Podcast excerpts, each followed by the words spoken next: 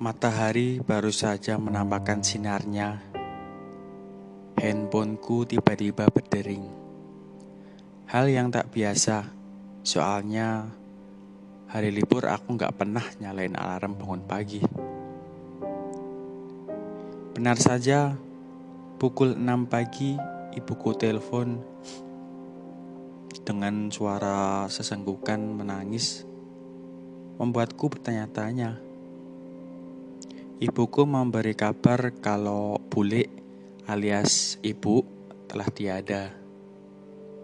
Aku memanggil beliau dengan nama ibu. Entah sudah kebiasaan sejak kecil.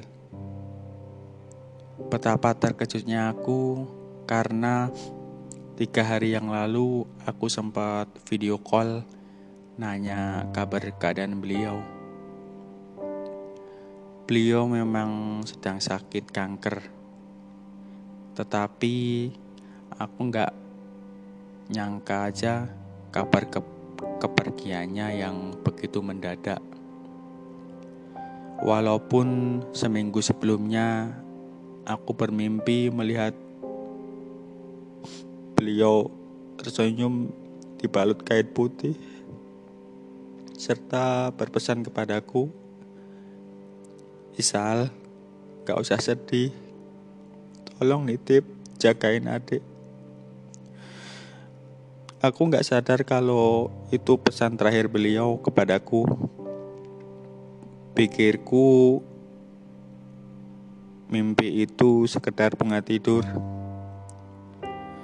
Seketika aku lalu telepon kakak sepupuku, anak almarhum menanyakan kepastian kepergiannya benar atau enggak. Aku mengatakan aku harus pulang. Seenggaknya aku harus mensolatkan dan ikut menghantarkan ke peristirahatan terakhirnya. Aku bergegas membuka aplikasi GrabCar untuk perjalanan ke bandara perjalanan dari Cikarang menuju Jakarta Timur, lebih tepatnya ke Bandara Halim Perdana Kusuma.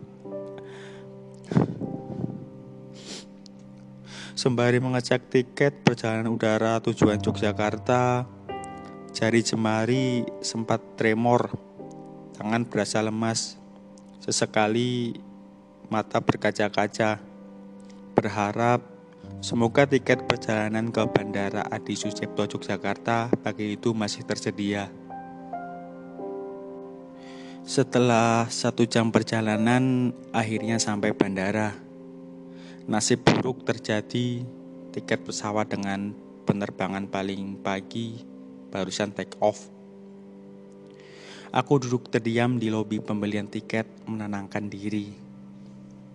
Pikiranku sudah kacau ingin segera pulang. Aku telepon kakak sepupuku bertanya, Ibu mau dimakamkan jam berapa? Pukul 3 sore katanya.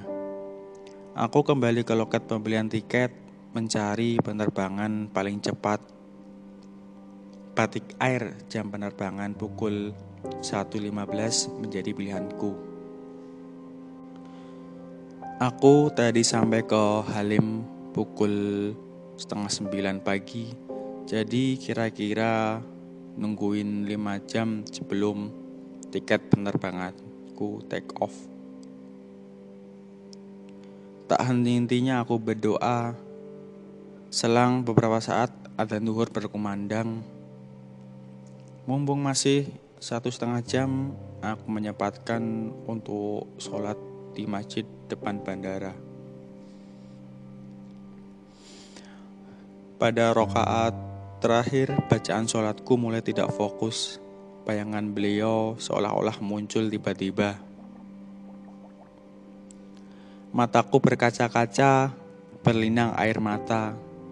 Ingatanku bersama beliau muncul, ingatan yang gak bisa kulupakan. Kala itu mendekati ujian kelulusan sekolah menengah pertama, beliau datang ke sekolah menggantikan peran orang tuaku menghadiri acara doa bersama dan EKSI atau emosional spiritual question. Itu semacam membangun jiwa melalui pikiran bahasa sadar, jadi intinya sedih. Momen haru ketika beliau masuk ke kelas, entah kenapa aku refleks memeluk beliau. Seketika tangis kita berdua pecah. Dan itu ingatan yang tidak akan pernah aku lupakan.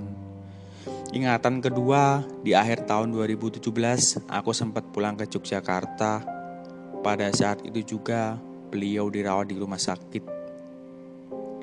Beberapa hari aku ikut juga nungguin di rumah sakit di kamar Rafflesia nomor 7 terdapat tiga pasien.